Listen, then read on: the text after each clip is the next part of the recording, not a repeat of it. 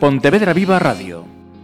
Una tertulia sí, es una gente, un grupo de gente que se reúne para hablar de determinadas cosas, de lo que quieran. follow my lead. Well, I found a girl, beautiful and sweet. Well, I never knew you were the someone waiting for me. Yo apuesto a que estas conversas na ferrería no van a defraudar a nadie, porque están hechas con, con mucho sentimiento, que menos para una fecha como esta de San Valentín. ¿Y qué se nos ocurrió? Pues dijimos, vamos a juntar a dos generaciones que perfectamente podrían ser una generación de nietos y abuelos. Y voy a presentar, me permitís que empiece por ellos. Carmen Lodeiros y Francisco Muiños. Bienvenidos, lo primero. Gracias. Y nos acercamos, eso, nos acercamos a los micros todo lo que podamos eh, para que nos, nos escuchen bien. Son vecinos de Pollo. Y me han chivado que el próximo julio, no tenía yo exactamente la fecha, pero en julio van a hacer 51 años juntos como matrimonio.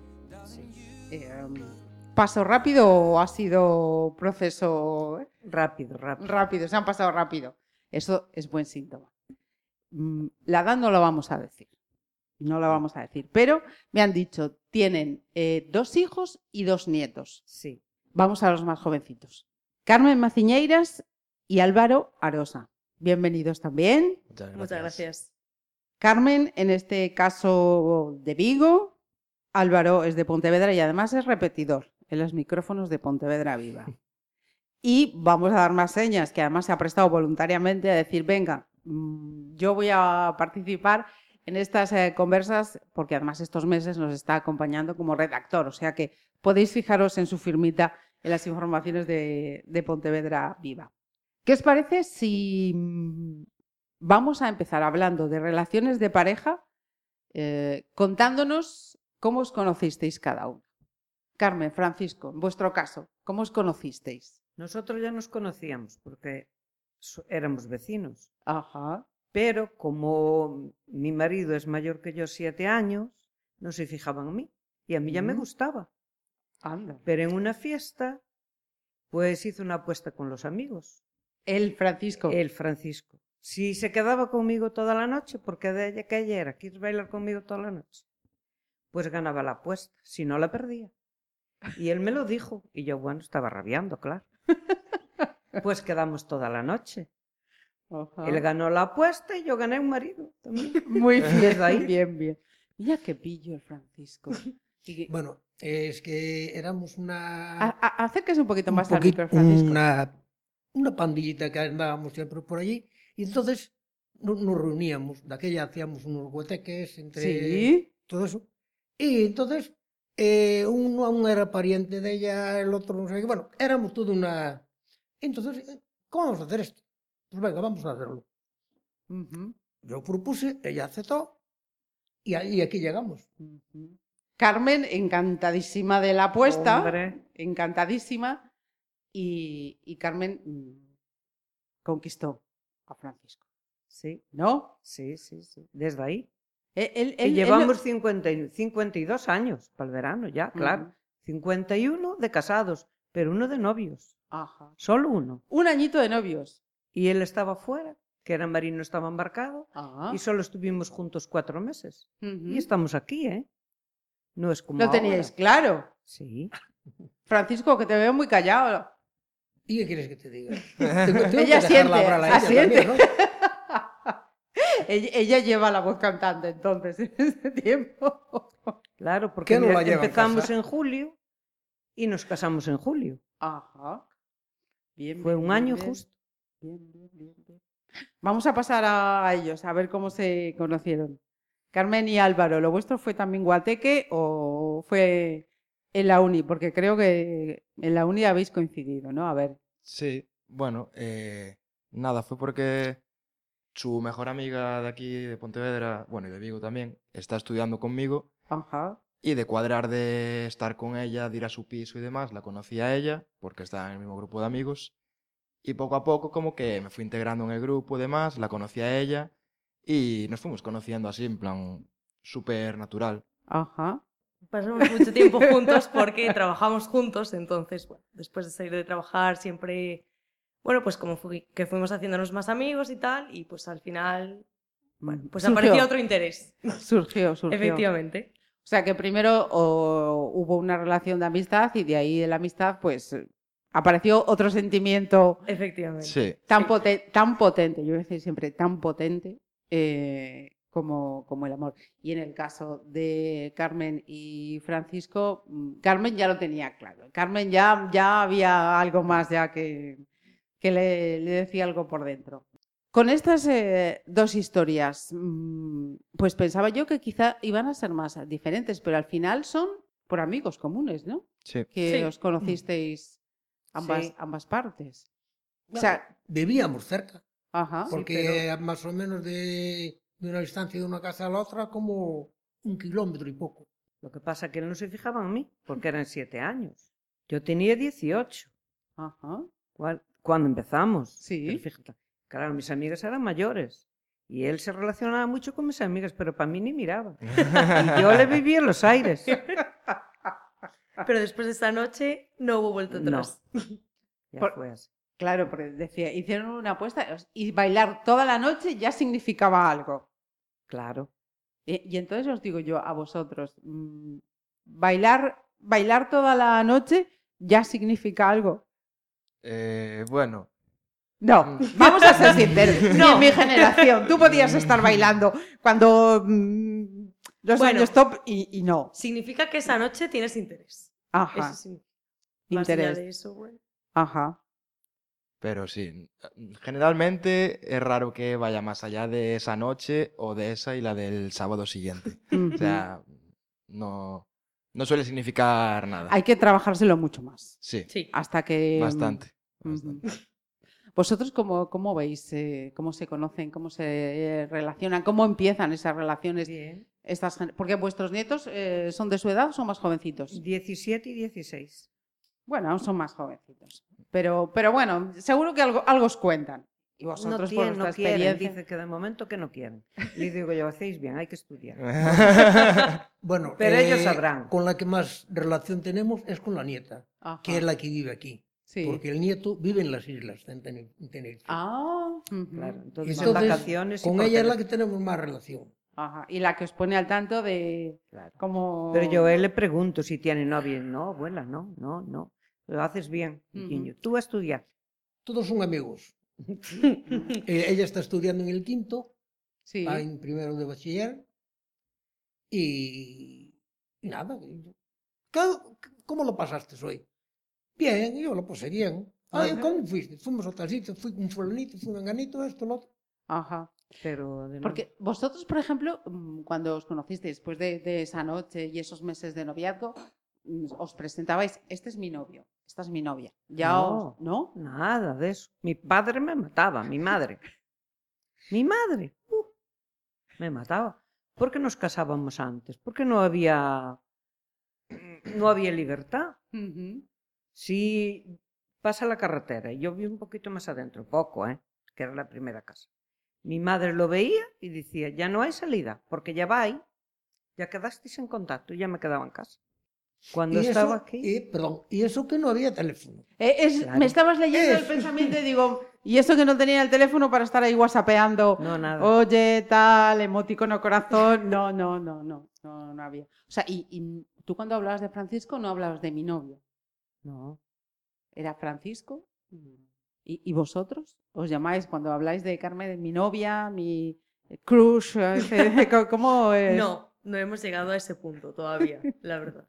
Yo creo que, que en ese aspecto sí que es bastante parecido, aunque no se haga por el, por el mismo caso de decir, si piensan que es mi novio o mi novia, me van a prohibir, o me- no es por privar de tal, sino ya sale como de uno mismo el decir, bueno, todavía no quiero que piensen que tengo algo formalizado con no sé quién, porque igual mañana Mm, estoy con Sí, el puede otro, o- pasar, sí. Claro, Ujú. entonces como que ahora No, no hay esa prohibición, esa prohibición en el término, sino que uno se, se limita más, Sí. es más cauto a la hora de Ajá. decir, bueno, ya Ya es Mm. momento, ya no es momento. O sea, hay más inestabilidad en las relaciones, entonces, bueno, prefieres ser un poco precavido y decir, bueno, vamos a esperar que pasen un par de mesecitos y después ya si sigue la cosa bien, pues ya. Ya veremos. Sí, ya y- adelantaremos. Y, y cuando ya adelantaremos, ¿cuál es el término que se utiliza? Pareja, Pareja. sí. Pareja. Sí. Y fíjate que decía Carmen, em, su madre le decía que no, porque a esa edad, con 18 años, todavía era pronto. Pues fíjate que yo, el, el concepto, eh, o, o por la evolución de, mis parientes de, de más edad en la familia, am, empezaban las relaciones muy prontito. Por eso se casaban tan pronto. Antes sí. Sin embargo, mi padre me decía a los 17 años, decía mi padre, Raquel, 17 años ya eres una mujer. Pero lo que pasa es que mi madre decía que el que me llevaba 7 años que me iba a engañar. Entonces no quería. Que él como estaba embarcado, andaba, sabía mucho del mundo y yo no Mm. sabía nada. Y no sabía nada, porque no fuera Vigo, no sabía dónde era Vigo. Claro, Fue es- cuando nos íbamos a casar, a invitar a su familia. Así Claro. que imagínate. Ujú. O sea que mm, vosotros, y, y ahora ya los que queráis, ¿eh? que no esperéis que yo, yo haga preguntas. Eh, lo de mm, eso, 18 años, nos ponemos. Vosotros habéis dejado los 18 hace pues, nada, nada. Y empezar relaciones tan, tan pronto, ¿sois partidarios? ¿No sois partidarios? ¿Creéis que en vuestra generación ya era otra situación, otras necesidades, otras tal? Claro. Y era Era otro mundo, ahora no. Ahora es- tienen que estudiar, tienen que hacer su futuro y es distinto. ¿entiendes? Ujú. Aquella- no, eso- yo trabajaba, era lo que había. Trabajaba desde bien pequeño. Claro. Trabajar más en esta vida, madre mía. Mm, Sí, sois una generación. Pero ahora, y yo quiero que mis nietos estudien también. Y mis hijos también, que estudiaran. Que no tuvieran que trabajar lo que yo trabajé. Entonces es otra vida, ¿eh? Entonces tú a ellos les dirías, mm, con calma, chicos. Sí, tienen tiempo. A ver, eh, yo estoy completamente de acuerdo con Carmen, la verdad.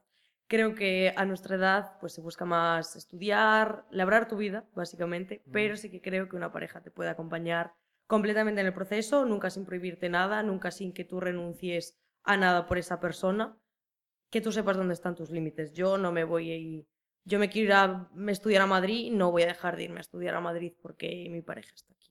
O sea, creo que no debe condicionar, pero sí que te puede acompañar en, en ese proceso y de forma muy buena, que después igual llegas a los 30 y ya no es tu pareja, pero no formalizar la relación de casarse, pero sí de, bueno, pues es mi acompañante. Ujú.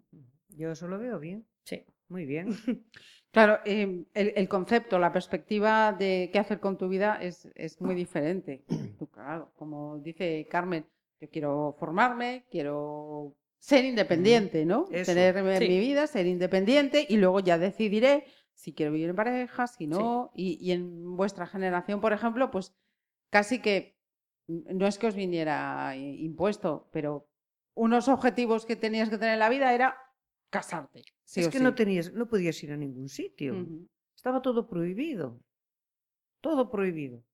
Y te casabas y tenías libertad. Mira tú, bueno, te casabas también porque no por la libertad, ¿eh? Si no, no estaríamos aquí tanto tiempo. Pero te quiero decir que no había libertad. Había que ir con las amigas, ¿eh? Yo comprometida con mi marido y no pude salir con él hasta que me casé. Esas ca- carabinas, ¿no? que casarse se fue- llamaban. sí, una, que fue un mes, ¿eh? Ya, y formalizar y casarse ya, en un mes todo junto. No podía salir con él a ningún sitio sola. Yo salía con mis amigas y él me salía al baile, que era lo que íbamos. Salía allí. Tampoco Claro, no era Francisco bien. era el único momento de estar con Carmen, así un poquito Bueno, eh, yo no, porque yo aquí estaba muy poco tiempo, por el tema de que estabas embarcado. claro. Ujú.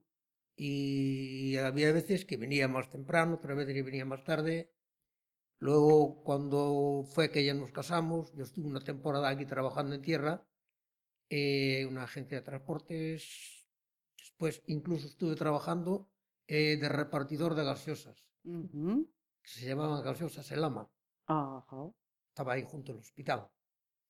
Y bueno, pero después, como teníamos lo que éramos y no teníamos más nada, pues había que formar una vida. Ajá.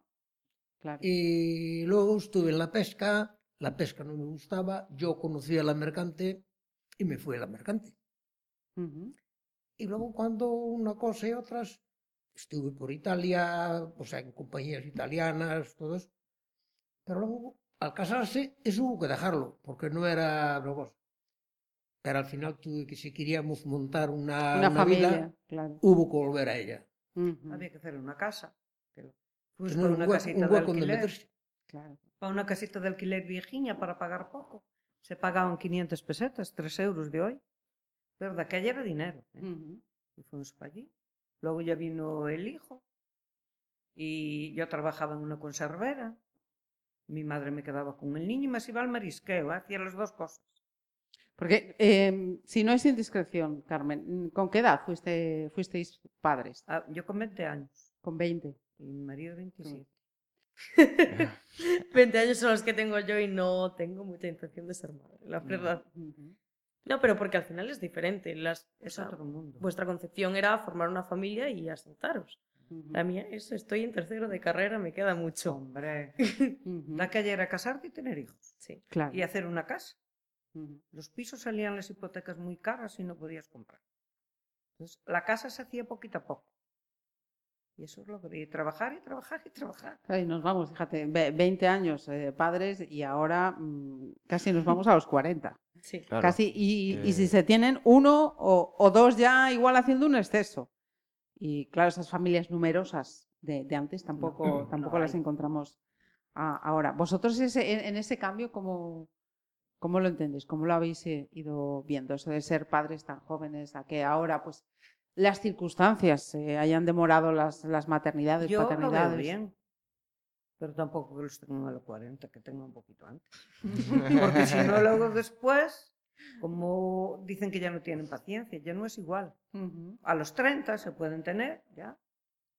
Sí, lo que pasa es que igual Pero a los primero 30 hay todavía no, te, no te has asentado en el mercado, tal y como están las cosas. Primero hay que estudiar y en tener un trabajo, una estabilidad, y luego los hijos que vienen a tiempo siempre. Pero que tampoco que no se duerman, si no, no les da tiempo. Así que le- Después, si se duermen un poco, después ya no son Porque capaces ahora, si de tienen empujar la silla. hijos, a ver, se estropean la vida. Bueno, que tenían sus padres que se los criarían. Bueno, ahora los, los- Bueno, no soy yo mi madre. sí. Decía lo otro así, así. Sí. Sí, sí, sí, te lo creo. No soy yo, si le llevo mi madriña. Qué Me- va, hombre. los ver, querías, pues ahora te cargo. ¿no? Exactamente. A mí los míos me los cuido. Me lo, Sí. me lo cuidarían, pero no me apetece darles ese peso. Ajá. Em, claro, porque e- eso sería más, fíjate, otra cosa que se me pasaba por alto. eh, eh, una generación eh, que ha tenido sus hijos y que ahora, en, en muchas circunstancias, vuelven a hacerse cargo de sus hijos y de sus nietos. Cuidadito que, que no sois una generación que tampoco lo ha tenido fácil. Esos cuatro meses, ya nos acaba de decir Carmen y Francisco, que nada, en cuatro meses ya estaban mm, matrimonios con la bendición hecha. Eh, si de aquella se viese con otros ojos eso de convivir antes de casarse, Pues no sé, claro, era otro mundo. Sería igual. Sería igual, igual. porque ya nuestros padres tendrían otra mentalidad que no tenían de aquella. Porque le decía eso a mi madre, me echaba fuera de casa. Con, con el paso del tiempo, quiero decir, claro, eh, en vuestra generación de aquella mm, era impensable. Sí, aquella no existía. Siempre eso. habían avanzados, vamos a decirlo así, pero lo habitual era que uno había que casarse. Visto con el paso del tiempo, ¿vosotros lo hubierais hecho? Sí, quizás sí. ¿Y por qué no? Bueno, porque, eh, porque después de que, de que hemos formalizado la pareja y todo eso, cada uno estaba en su, en su casa. Pero después ya no teníamos prisa por casarnos. Porque nos, o sea, en las amonestaciones fueron en mayo. Y después ya era, fue en julio cuando nos casamos. El 1 de julio no quedó nada. Pero ya no teníamos tampoco- prisa. Tampoco tenías problema con el vestido ni nada. Ibas a la tienda, lo comprabas, ya estaba hecho. Sí, sí. Y ni con el restaurante tampoco. Una semana. En dos meses, clink, clink, todo Sí, listo. Todo. Ujú. O sea que. Carmen y Francisco, con el paso del tiempo y visto lo que hay, no hubieran visto malo de la convivencia antes de pasar por, En No. absoluto. por los papeles. No. Ujú. Y para vosotros os hago la pregunta al revés. Mm, eh, casarse antes de convivir o hay que probar a ver cómo nos llevamos bajo el mismo techo y, y ya veremos? Hay que probar, hay que probar porque tú puedes estar muy enamorado de una persona o quererla muchísimo y luego llevas dos meses viviendo con esa persona y dices, no, no porque choco con ella, porque no tenemos, no, no congeniamos, estando las 24 horas juntos, aunque cada uno tenga su espacio. Ujú. Y claro, como no, como no compruebes eso antes de dar un paso de casarte, es ya te metes en un fregado. Porque esa es otra. em, vosotros lo de casaros, ¿se os pasa por la cabeza o decís, no es algo que, mm, que ocupe mi, mi tiempo? no es si mi objetivo día- principal ahora mismo, desde Ujú, eso. Me queda Ah, la no. Carmen del futuro. Yo también lo veo lejano, pero como algo que sí que ajá. en algún momento, pues, el- no tanto ¿Te por, apetecería? no tanto por la unión de tal, sino por la celebración de tal. Me gustaría Tener vivir ese día. eso. Tener ese día. Sí, Fíjate lo que estaban diciendo ellos. em, hay que probar a ver cómo nos entendemos. Está bien. Porque- Nosotros no tuvimos ningún problema en eso, ¿eh? Ya os lo digo. Si te quieres y hay- amor y hay un respeto, no tienes problema, porque defectos los tenemos todos. Y un día tiene uno un fallo, otro día lo tiene otro, se habla, se corrige y ya está, y para adelante. Francisco, ¿qué, No es decir, bueno, pues no te aguanto. Eso no. Bueno, Porque siempre vas a tener problemas en la... La vida trae muchos problemas y hay que superarlos. Yo a todo el mundo se lo digo. La vida no es fácil, ni es de color de rosa. es que ahora también tenemos menos paciencia. Claro, hay que tener paciencia, respeto, respetarse, quererse mucho y todo lo solucionas. Hoy Yo- salió una cosa mal, pues lo hablamos, bueno, pues mañana ya está. Yo el único problema que veo por eso es, por ejemplo, de una pareja. O después cuando se casan o todo eso, el único el inconveniente más grande que encuentro es lo, lo que venga detrás, los hijos, por ejemplo. Tienes un hijo, tienes dos o lo que sea. Que a él, seguro, seguro que le vais a- se le va a causar un trauma. A, las- a los menores. a los menor- a- o sea, a lo que- ahora, si no hay hijos, cada uno se va por su Bueno, eso depende de los padres, también no tiene por Ya, qué ya, ser. ya, pero... Porque tienen padre y madre. Si los padres no se entienden por el motivo que sea, da igual, los hijos son hijos. Y hay que entenderse y llevarse bien por los hijos. Sí, pero esa es nuestra opinión. Bueno, Yo pienso Esa es así, nuestra ¿eh? opinión. aquí voy a hablar yo como hija de padres divorciados. Ah, bueno. Eh, yo creo que es muy, muy importante la convivencia, o sea, probar esa convivencia, porque después si tus padres se llevan mal, todos decimos, sí, se tienen que llevar bien por los hijos, pero hay veces que no pueden, no pueden, no pueden. Es y- imposible. De hecho, yo eh, durante muchos años de mi vida, y lo sigo pensando, eh, el hecho de ser madre soltera, pero porque yo no quiero que mis hijos tengan que vivir una situación parecida a la que viví yo. O sea, por mucho que tus padres se hayan querido y haya habido amor en esa pareja, llega un punto, puede llegar un punto por las situaciones que sean, que ese amor se pierde. Y desgraciadamente, si ese amor se pierde, llega un punto de no retorno, que por mucho que, diga, que digas por mi hijo lo que sea, llega un punto que es Es imposible. que yo, yo y voy a intervenir también con, con opinión, em, eso de que hay que aguantar mm, por mis hijos es, es relativo, porque igual ese aguante es más nocivo que si cada uno hace la, la vida por su, Sí, por su parte. Yo doy gracias de que mis padres se divorciaran. No sé qué sería de mí si mis padres no se hubieran divorciado. Ujú. Pero bueno, lo que sucede después de este divorcio y esas relaciones y esa relación que tú vas a tener como padre con tu hijo, como madre con tu hijo, futuras parejas, futura relación del hijo con ambos, bueno, causa muchos problemas, muchos, muchos problemas eh, a la hora de estar, a la hora de eventos, a la hora de, bueno, la educación, vosotros supongo que entre los dos os habéis puesto de acuerdo para dar una, una educación conjunta a vuestros hijos. ¿Qué pasa cuando un padre decide educar a un hijo de una manera y una madre decide educar a ese Ah, mismo hijo de otra Eso manera? sí, eso sí. Entra en un conflicto que, que no tiene ningún sentido. Mi madre, por ejemplo, parecía que era mucho más permisiva y mi padre, pues parecía que no tanto. Entonces, claro, ¿quién pone los límites? Si los dos son tus padres, es inviable. Claro, eso sí. Entonces, bueno, Yo me refería a otra cosa, por ejemplo, el entendimiento de hoy le toca al padre, mañana le toca a la madre, o Sí, custodia que las- compartida. Yo decía que por eso, Ujú. ¿entiendes? Llevarse bien y, a ver, ponerse de acuerdo por los hijos, pues cada uno que haga su vida. Sí, sí, claro, Sí. pero tener ahí esa entente cordial de decir, oye, los hay- hijos lo tienen que pasar muy mal, ¿eh? Sí, muy sí. mal. Mm. Mm. Otra frase que ha dicho Carmen. Se habla, se corrige. El diálogo, el conversar, el hablarlo todo es uno de los ingredientes fundamentales para mantenerse 51 años juntos. Eso es lo principal.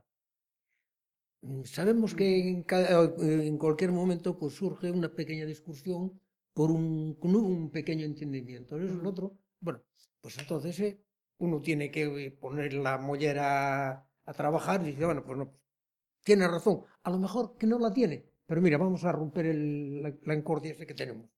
Nosotros damos. discutir, poco discutimos, Poquito. ¿eh? sí, poco. Sí. Yo a veces que con esto es así, no, que no es. Que sí que es, bueno, vale.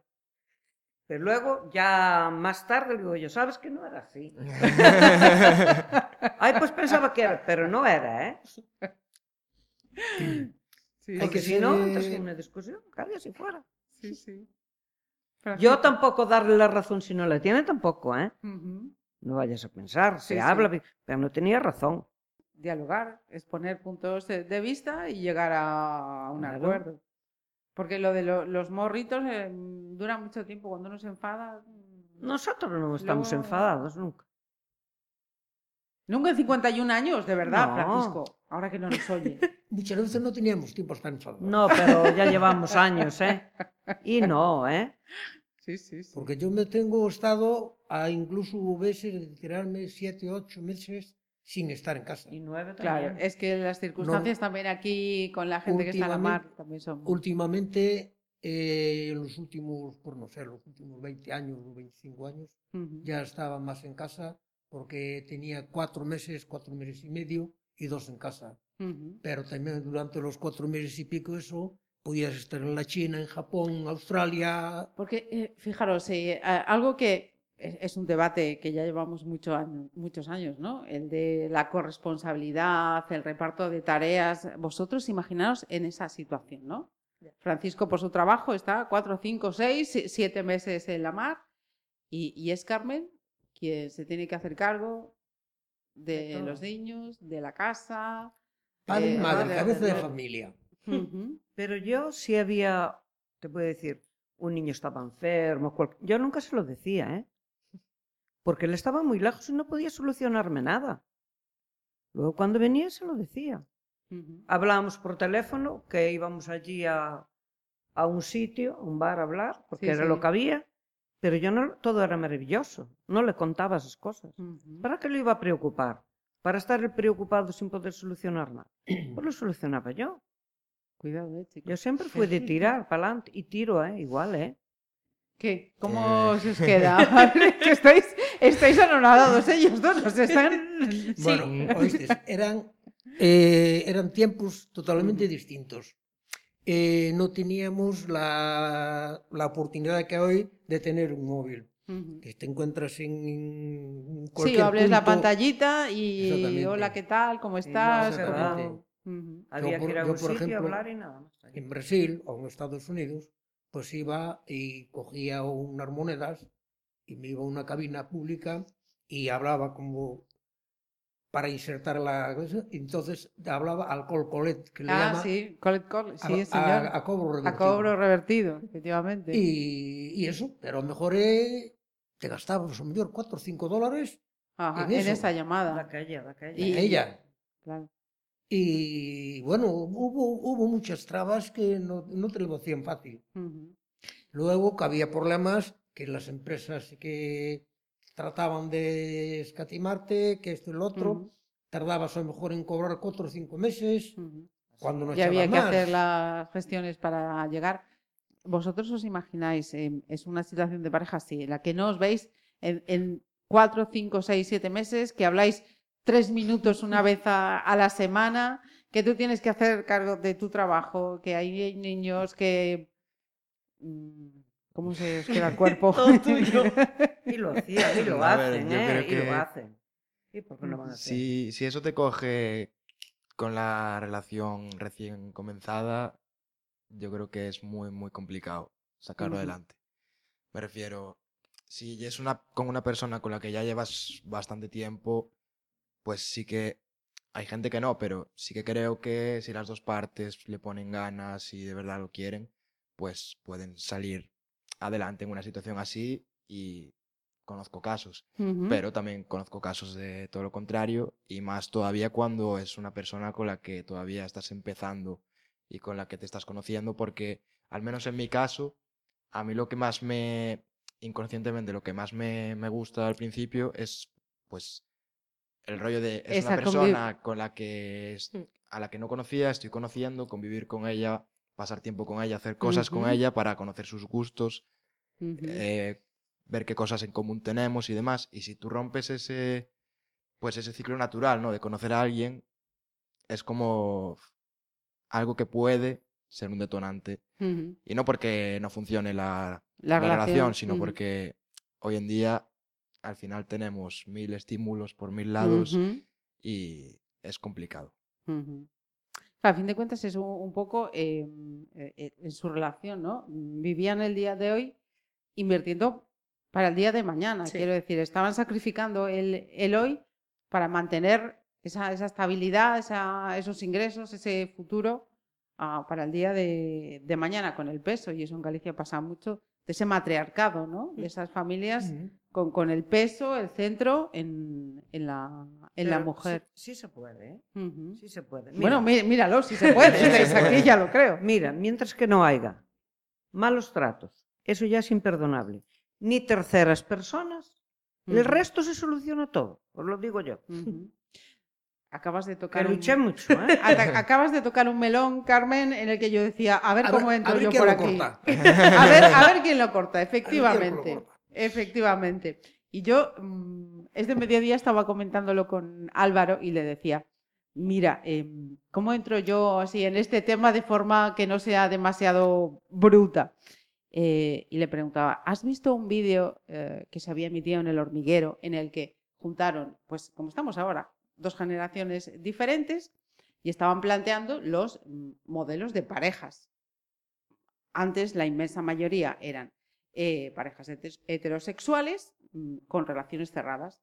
Y ahora el tipo, las variedades de parejas que hay son mm, muchísimo más eh, variadas. Parejas eh, homosexuales, parejas heterosexuales, parejas bisexuales, parejas cerradas, parejas abiertas.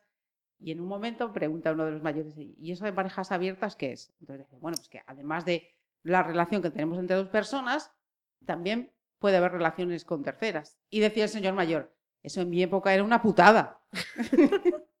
que era simpatiquísimo. Yo, si me estáis escuchando, os recomiendo que lo veáis. Entonces, claro, eh, de- mm, vamos a entrar en ese melón. Yo eso no, ¿eh? Eso de con terceras personas, no, eso ya no. Eso no. Las cositas se quedan en casa entre Francisco y Carmen Sí, y punto sí. pelota. Yo ya te digo, ni malos tratos, ni terceras personas. Eso para mí ya es mortal, eso ya no lo supera. Ahora del resto, sí, sí se pasa, se aguanta todo. Bueno, A porque baches los tenemos todos. Y la Malos vida- entendidos también. A ver, la vida te surge con muchos problemas. Y no es decir, bueno, pues no te aguanta, lo tiro con todo. No puede ser. Hay que luchar y hay que tirar para adelante. No es Cuando todo de sientas color que de merece la pena, claro. Claro. Sí, sí, sí. Desde claro. luego. Y eh, vosotros, eh, eso también es una putada, no es una putada, lo entenderíais, lo... Eh, bueno, mm, mm, si, está, si es algo consensuado, no, no es ninguna Mm. putada. O sea, yo, por ejemplo, nunca he tenido una relación abierta y ahora mismo no me veo teniéndola nunca, pero tampoco me cierro al 100% de que no vaya a ocurrir jamás, porque, bueno, uno puede cambiar de chip, puede tener otra mentalidad y, y nunca se sabe. Pero aunque yo no lo vea para mí, porque yo sé cómo soy, entiendo que haya gente que si tienen ese acuerdo entre dos personas y les funciona, Mm. tampoco lo veo una mala fórmula para, pues para que su relación funcione al final. Entonces yo creo que al final todo cae y todo reside en el entendimiento y en la comunicación de esas dos personas. Y en el que es- acuerdo claro. se, se llegue. Yo creo que lo importante es que las dos partes tengan claro de verdad Que es una relación que abierta. es una relación abierta o que no lo es. Y que no haya ningún vacío de ahora sí, ahora no, porque ahí es cuando llegan luego la- los malentendidos, los... Los conflictos y todo lo demás. Entonces, Mm. mientras las dos personas sepan al 100% qué es lo que quiere cada uno y se lo comuniquen. Si les funciona, yo tampoco soy nadie para juzgar si, si es bueno o si es malo. Porque de hecho un cambio evidente es que estamos delante de unos micrófonos y estamos hablando ahora mismo, en este momento, de relaciones sexuales. Que yo creo que cuando Carmen y Francisco tenían 18 o 20 años, esto mm, no se hablaba más que mm, en casa una vez de puertitas adentro y cada uno sabía lo que pasaba y hasta dónde llegaba. Y si incluso si entre la pareja se hablaba, que no sé yo. Sí, ¿verdad? Y se hablaba eso, era un tabú eso.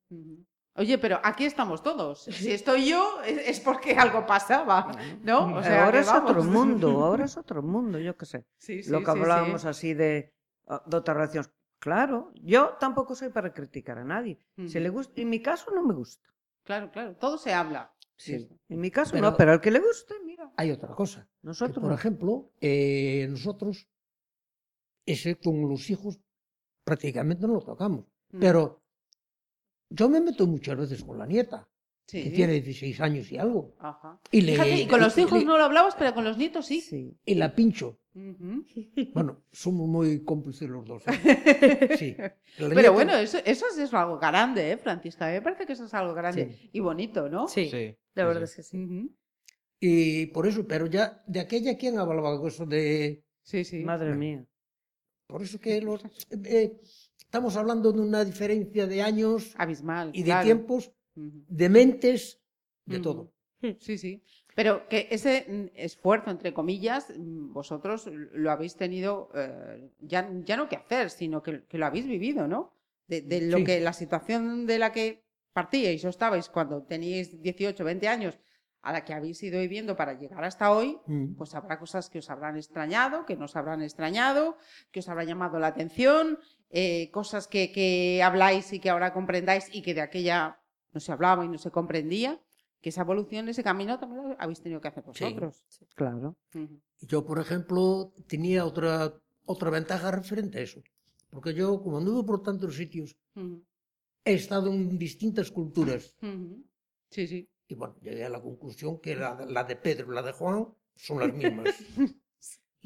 Le han puesto como, como cuando te pones la, la- la careta del carnaval. Sí, sí. Exactamente igual. Ujú. Pero claro, yo me doy cuenta porque yo me acuerdo en una ocasión, estando en Singapur, eh, murió un hombre de tierra. Y entonces, cuando salíamos para tierra, veo que hay un cuenco todo lleno de cirios, de, de ciensos. Sí, cirios, sí, no, sí, de sí, sí. Y entonces le pregunté allí a uno, le dije, oye, ¿esto qué significa?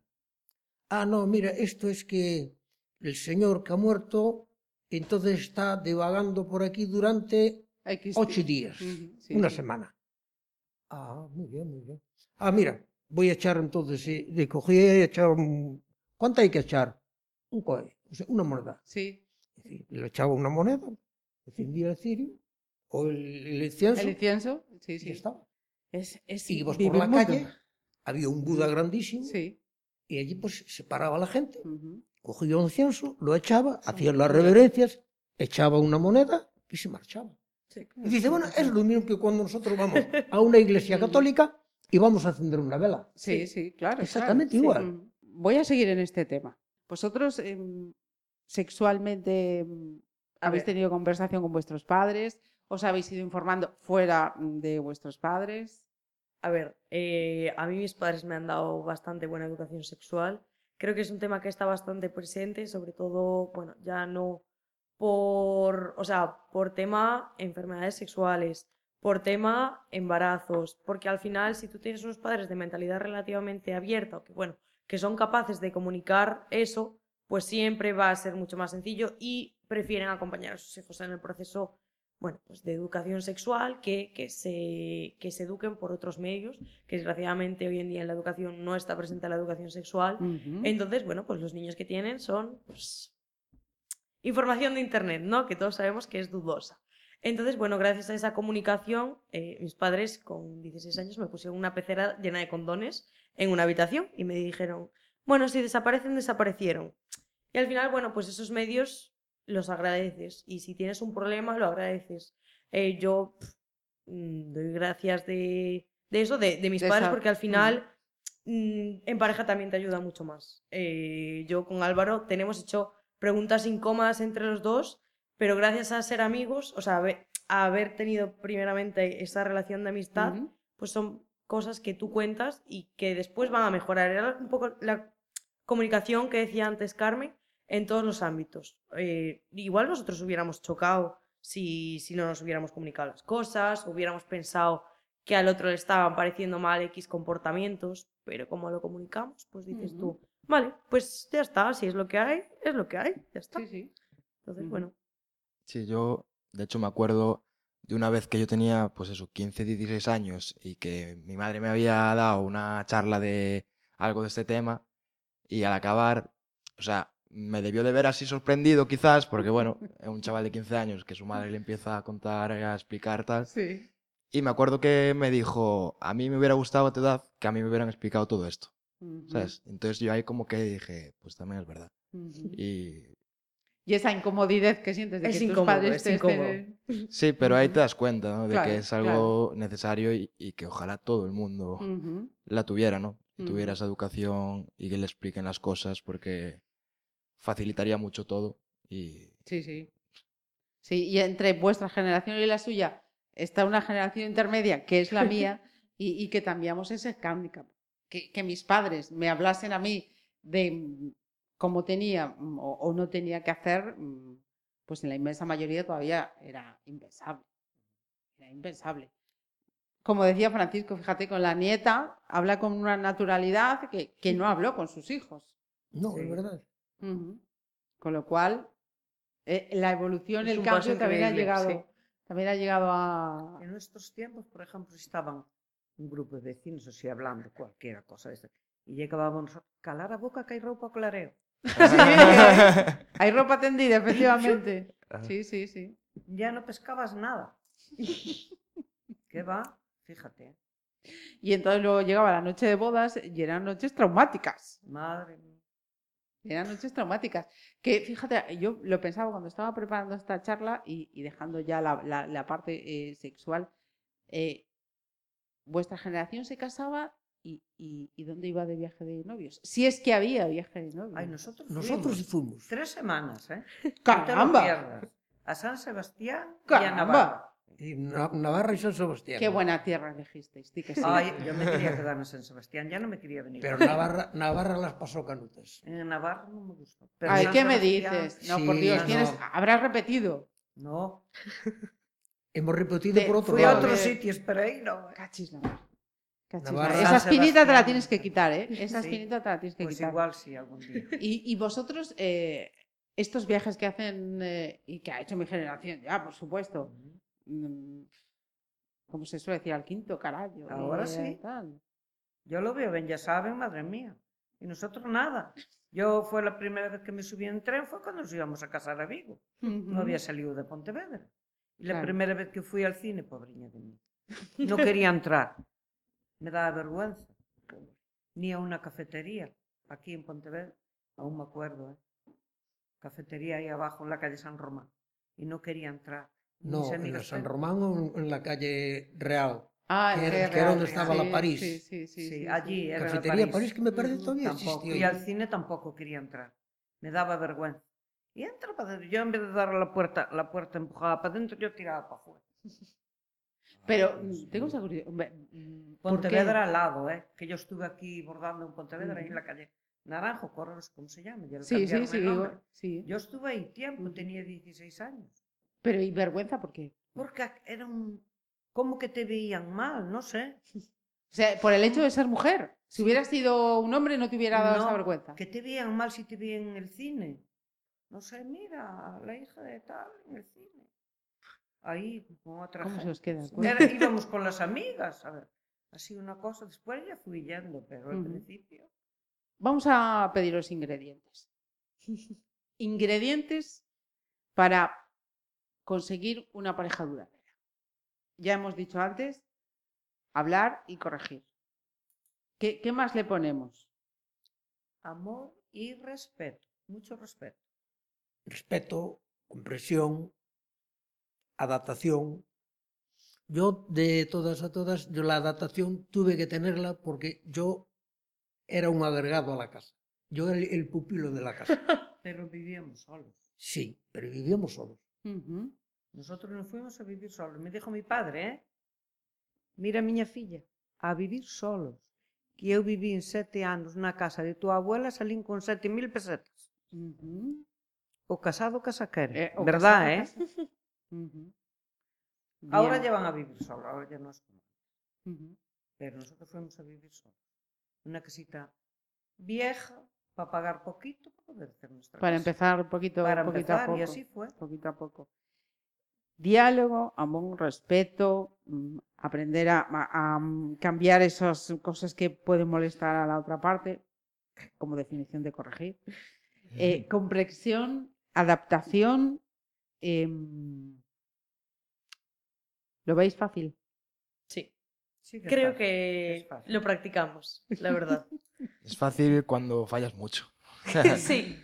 Te- o sea, te das cuenta cuando te fallan las cosas y luego dices, vale, me ha fallado por esto, ahora sé que esto hay que hacerlo. Me ha fallado porque no me he comunicado bien, ahora sé que me tengo que comunicar bien.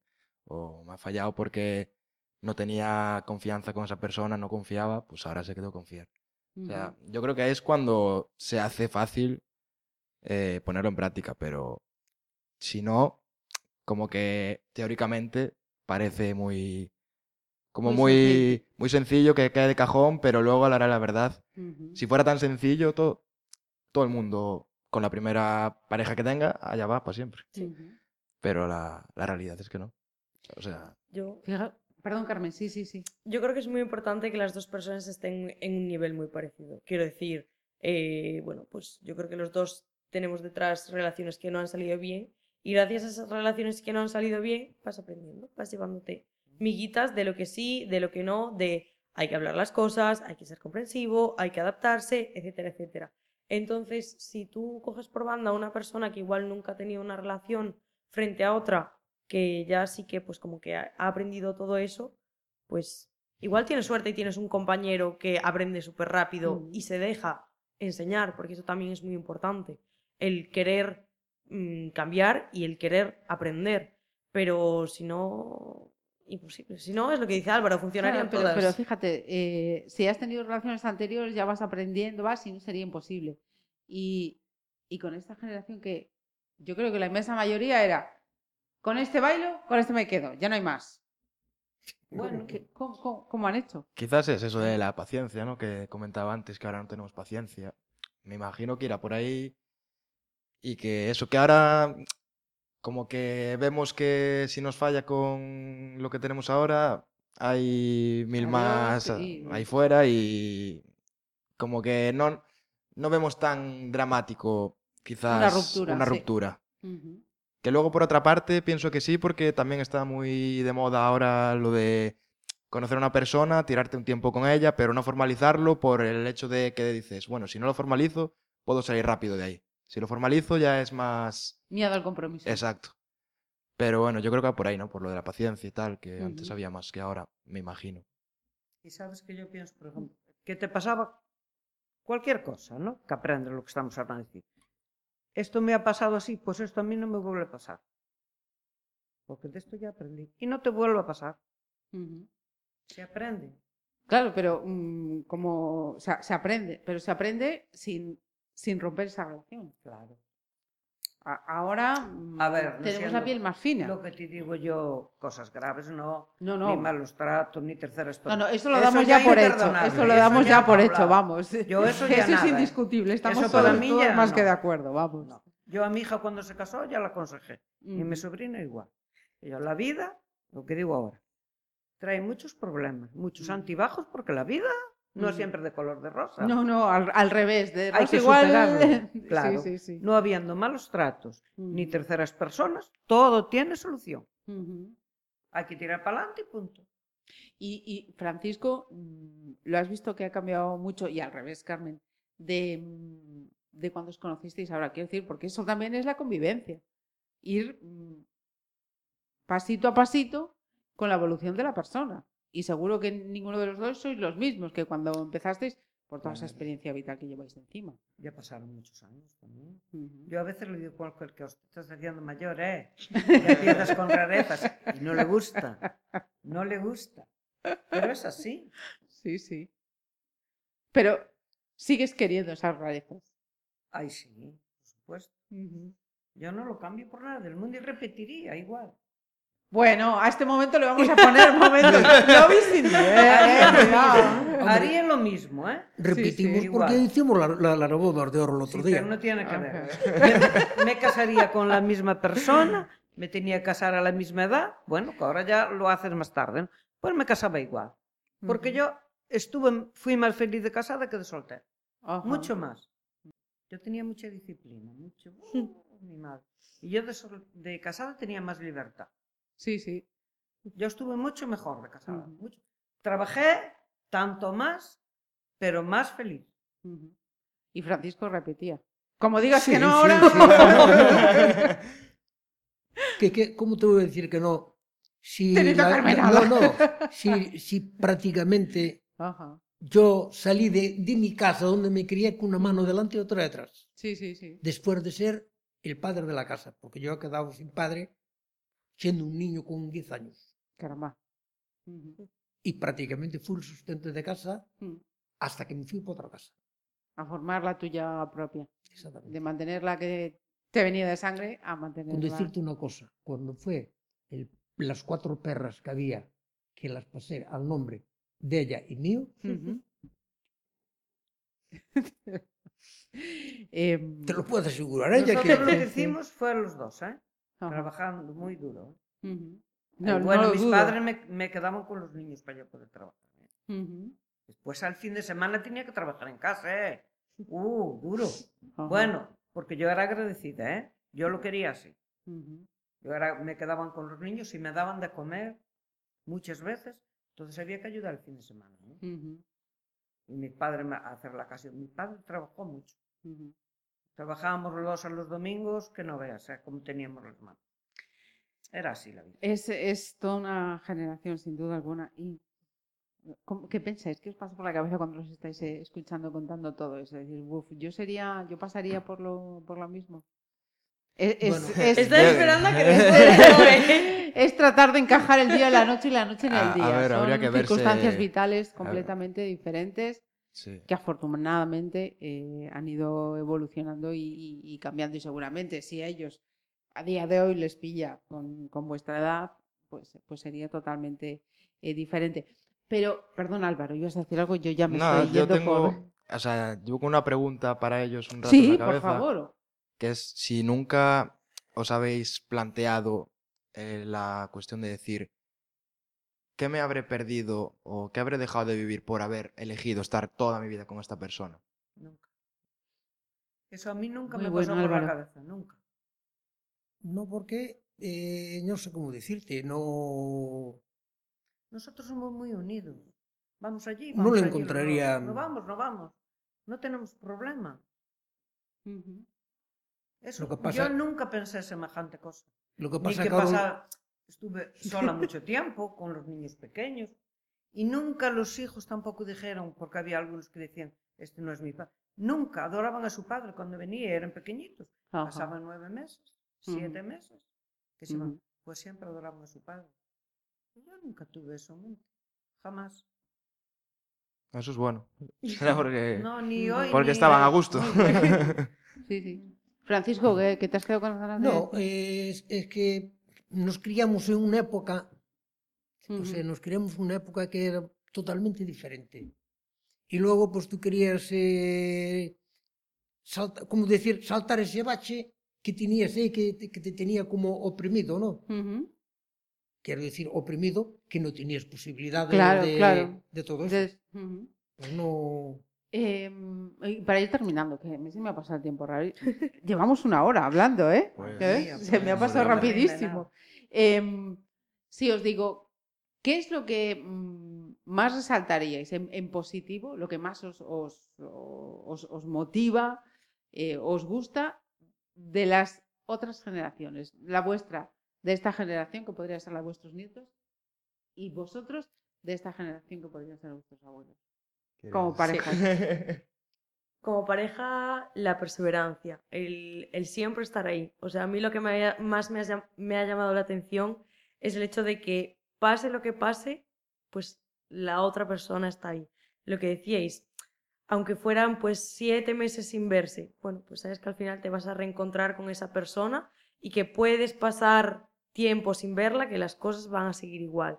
Y el hecho de que llevéis 51 años casados, digo yo...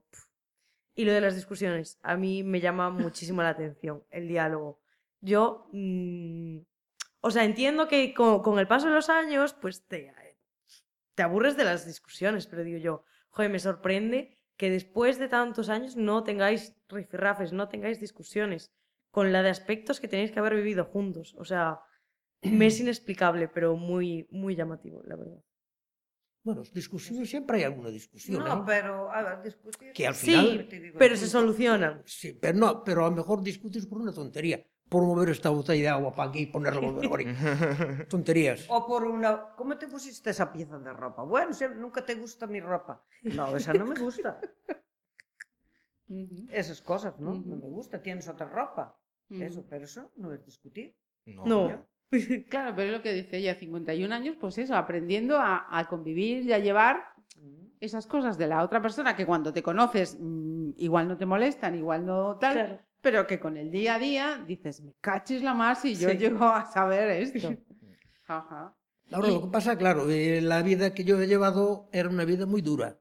Porque yo, por ejemplo, eh, tengo, tengo ido a embarcar a Brasil y salir de Brasil para China. Ujú. 42, 44, 46 días de travesía. No tenías forma de, de comunicarte. Últimamente te comunicabas ya por vía satélite. Sí. Pero tenías que estar con el reloj mirando. Sí, te- el tiempo porque- contaba, hombre. Era la vida más dura que ahora. Y ahora, ahora ha cambiado mucho. Claro. Y ahora la libertad que tienen ellos. La libertad que tiene. La libertad que tienen. A ver, libertad sana, me Sí, refiero. sí, sí, sí, sí. Pueden estudiar. Yo, aunque quisiera estudiar, no podía. De aquella. No había los medios que hay hoy, no, había, no había dinero. Ni había- ahora en Pollo tienes un instituto antes que había. Una escuela secundaria allí, bueno, en fin. Ahora tenéis las oportunidades que queréis. Bueno, que muchas veces no saben aprovecharlas. A mí no me pesa, La ¿eh? A ver, yo no soy ninguna ignorante. no me- Yo dentro de lo que pude aprendí. Pero ahora tenéis otra vida. Podéis estudiar, podéis convivir juntos, luego que la cosa no va bien, bueno. También muchos de nuestra era tampoco están juntos. Sí. También. Y algunos No marchaban de luna de miel juntos y cuando venían ya venían separados.